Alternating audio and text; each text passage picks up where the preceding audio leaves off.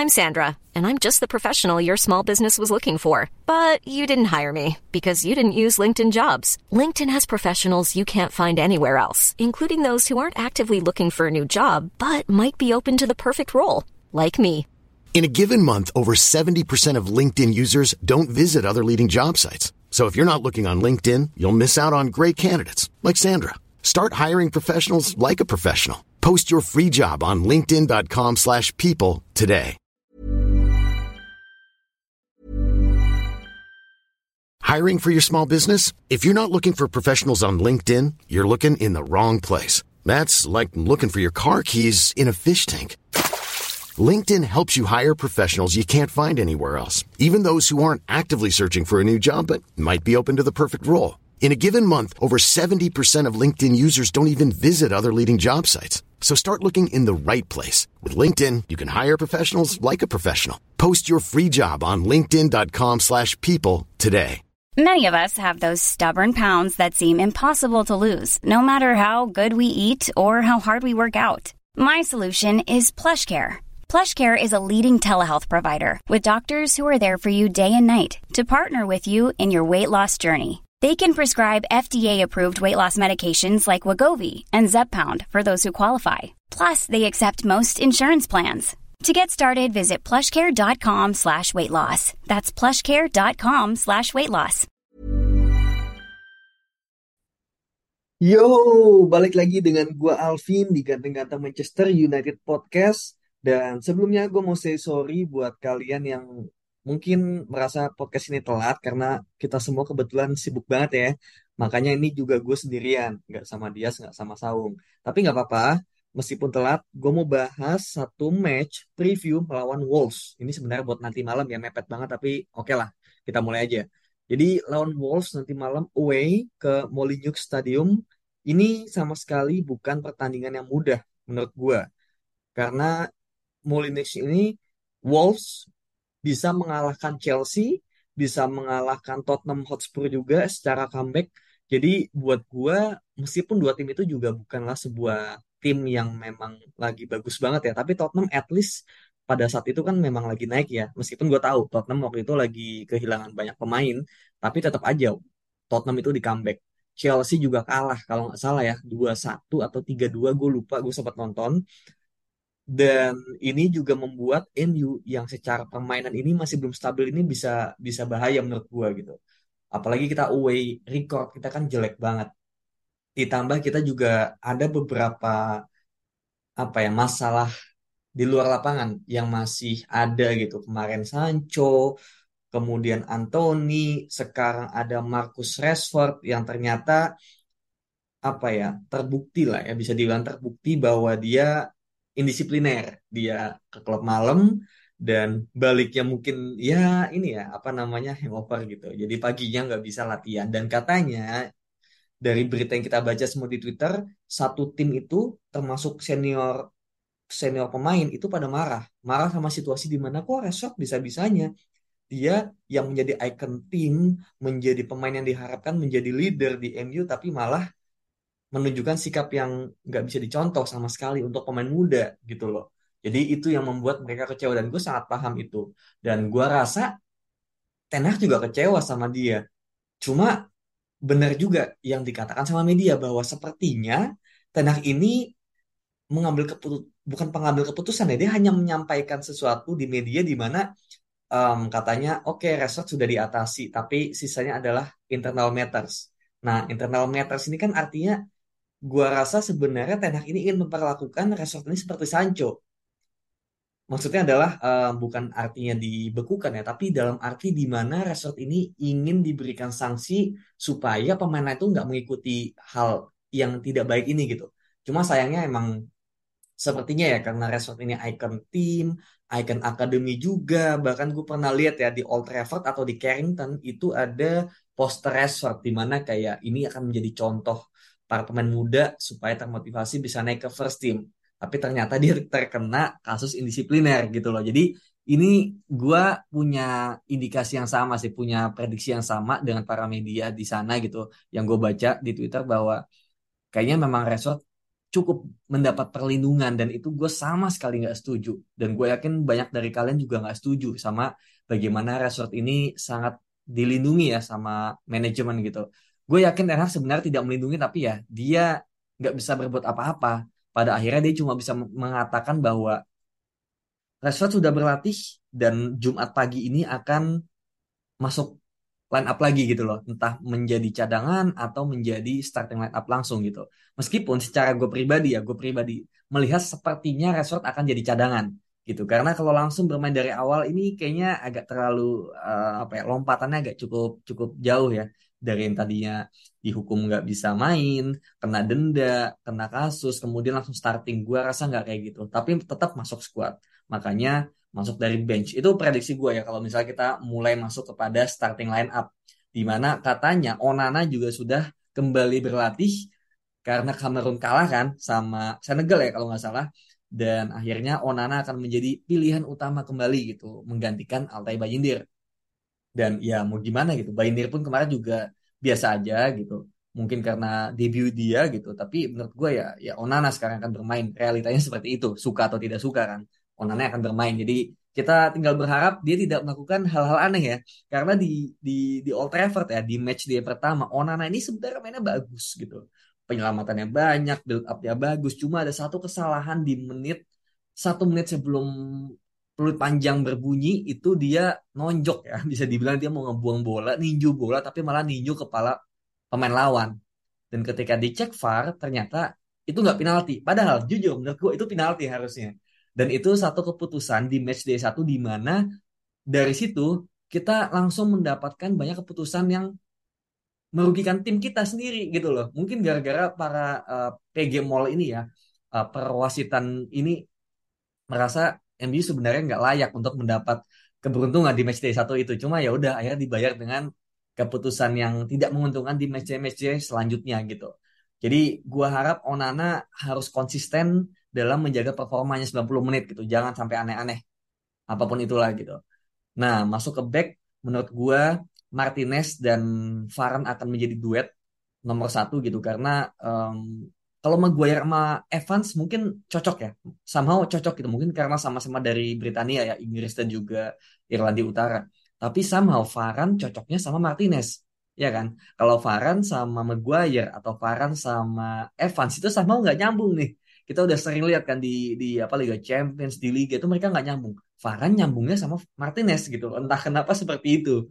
Jadi dengan kita udah pasti yang memainkan Martinez, jadi udah pasti juga samping kanannya adalah Varane bukan Maguire. Maguire sorry banget nih, lu harus balik ke cadangan lagi meskipun sebelum Maguire ini cedera dia mainnya bagus banget. Cuma dengan baliknya Martinez ya kan, mau nggak mau pasangannya Martinez ya paling bagus Varane. Ini ini samalah kayak musim lalu gitu.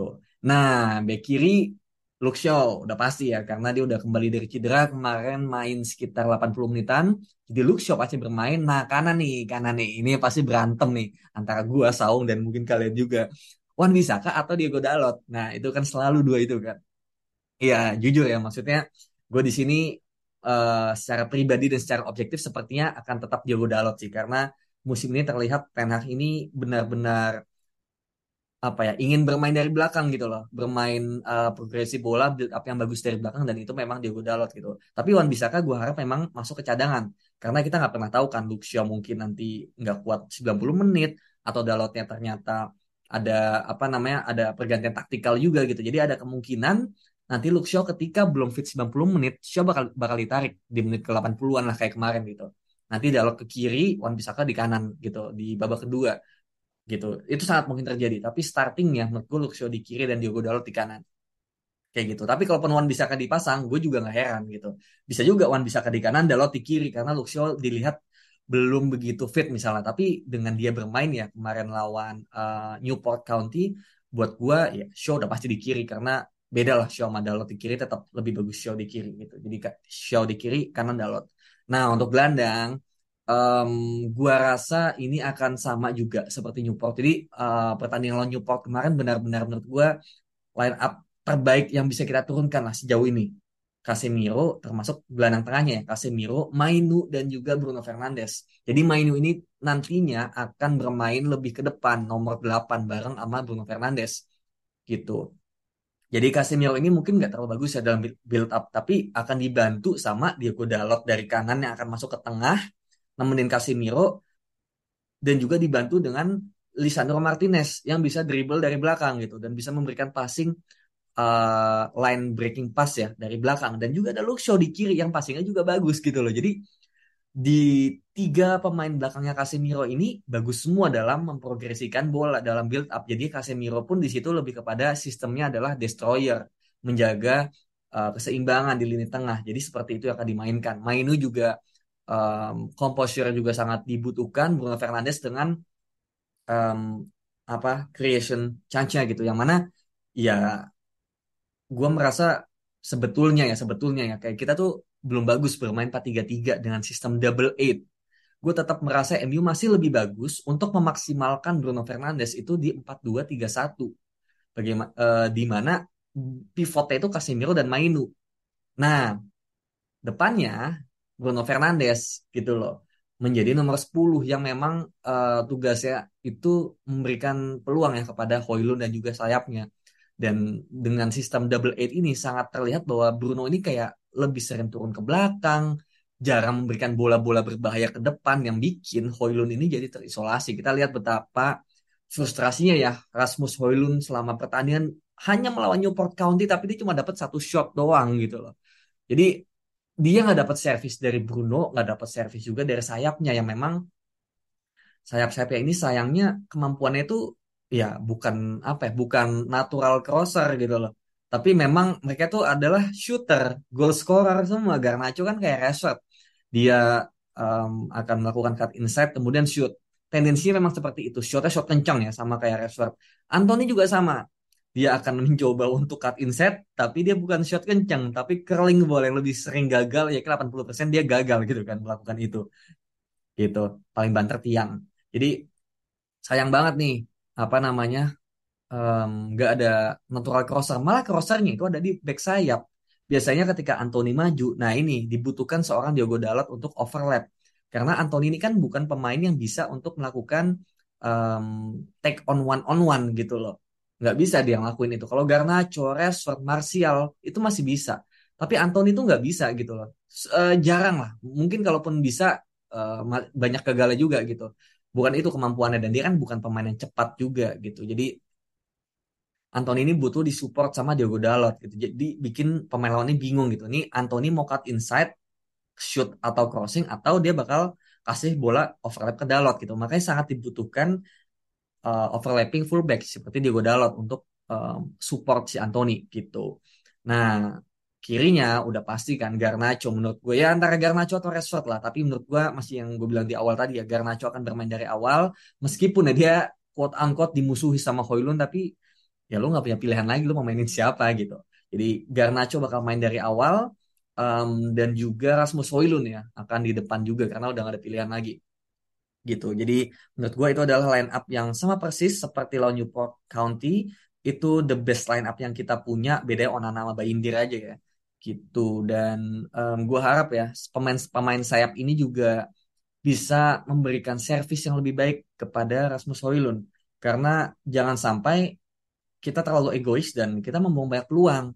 Kalau lawan Newport County kemarin, kita banyak buang peluang tuh masih masih bisa dimaafkan lah karena lu masih gampang juga buat golin ke gawang Newport gitu loh. Newport bukanlah lawan yang ya sorry itu saya sulit gitu. Jadi meskipun lu gagal banyak tapi lu bisa golin banyak juga. Makanya lu bisa golin 4. Tapi Wolves away lu nggak bisa kayak gitu menurut gua gitu loh. Jadi lu harus memanfaatkan kesempatan yang ada membuat keputusan dengan baik juga either lu kalau lu nggak bisa shoot ya jangan pakai shoot gitu loh kayak apa ya gue pingin MU tuh nggak nggak terlalu terburu-buru dalam membuat keputusan di depan. Apa-apa shoot apa-apa shoot gitu loh. Santai aja gitu. Gue pengen kayak Arsenal mainnya enak kan. Jadi di sepertiga akhir lapangan lawan itu kalau nggak bisa shoot ya nggak apa-apa. Lu kombinasi dulu atau nanti switch play ke ujung dulu. Kalau masih nggak bisa kombinasi lagi gitu. Jadi jangan jangan langsung shot dari luar gitu gue tahu pasti frustrasi. Tapi shot itu kalau angle-nya dapet ya nggak apa-apa shot gitu kalau sudutnya bisa ya. Tapi kalau depannya pemain ya lu mau shoot ke blok lah gitu. Ujungnya kita bisa kena counter bisa kebobolan lagi. Jadi apa ya jangan jangan jangan mengambil keputusan yang terlalu inilah terlalu gegabah lah. Satu-satu itu gue benci banget sama yang kayak gitu. Itu jadi pertanyaannya mungkin apakah kita akan mencetak gol? Nah menurut gue uh, lagi-lagi ya ini ini pertanyaan yang sangat sulit gitu. Apakah kita bisa mencetak gol? Apakah kita bisa menang?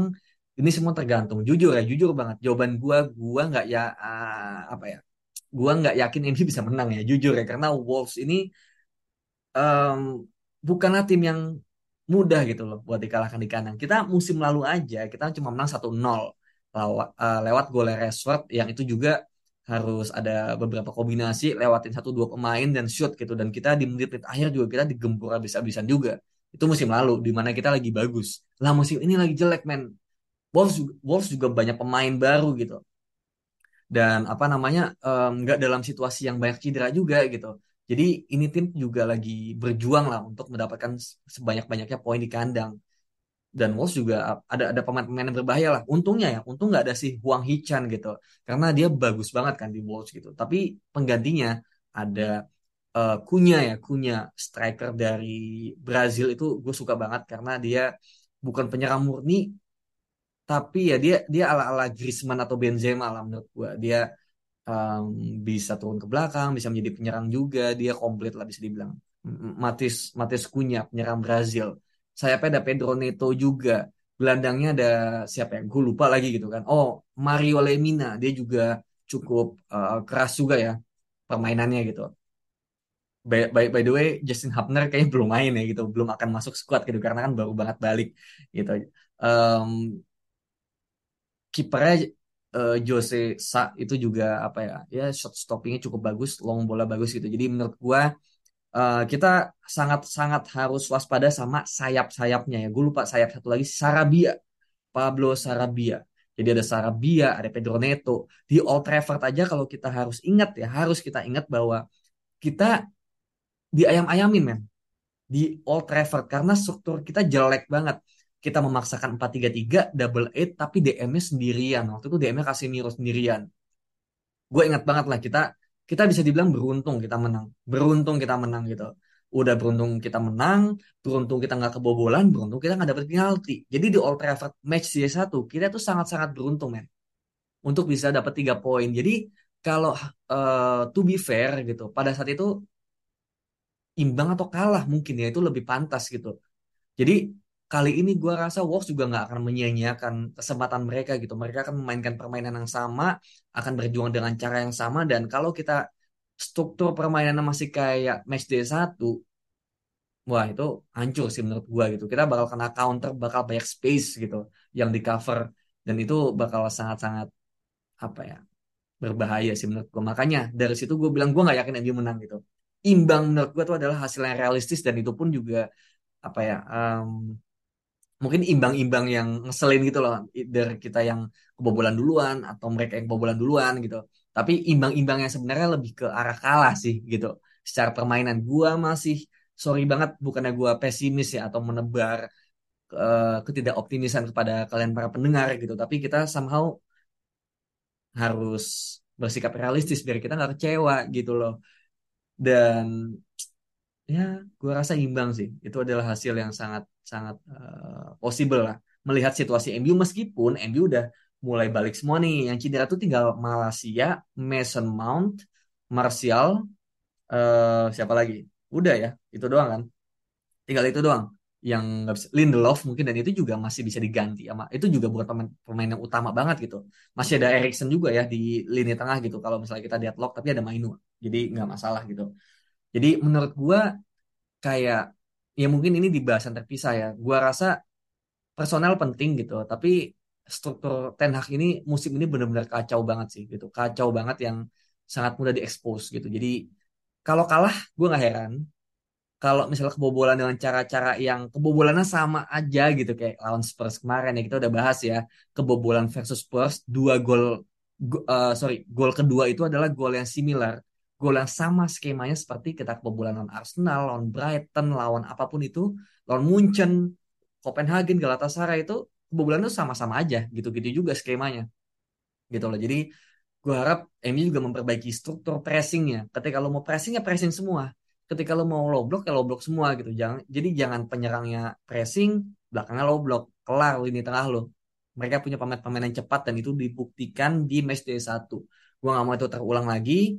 Jadi um, prediksi gue tetap seri yang lebih ke arah kalah daripada menangnya gitu. Tapi gue harap keinginan terbesar gue dan kita semua pastinya MU menang.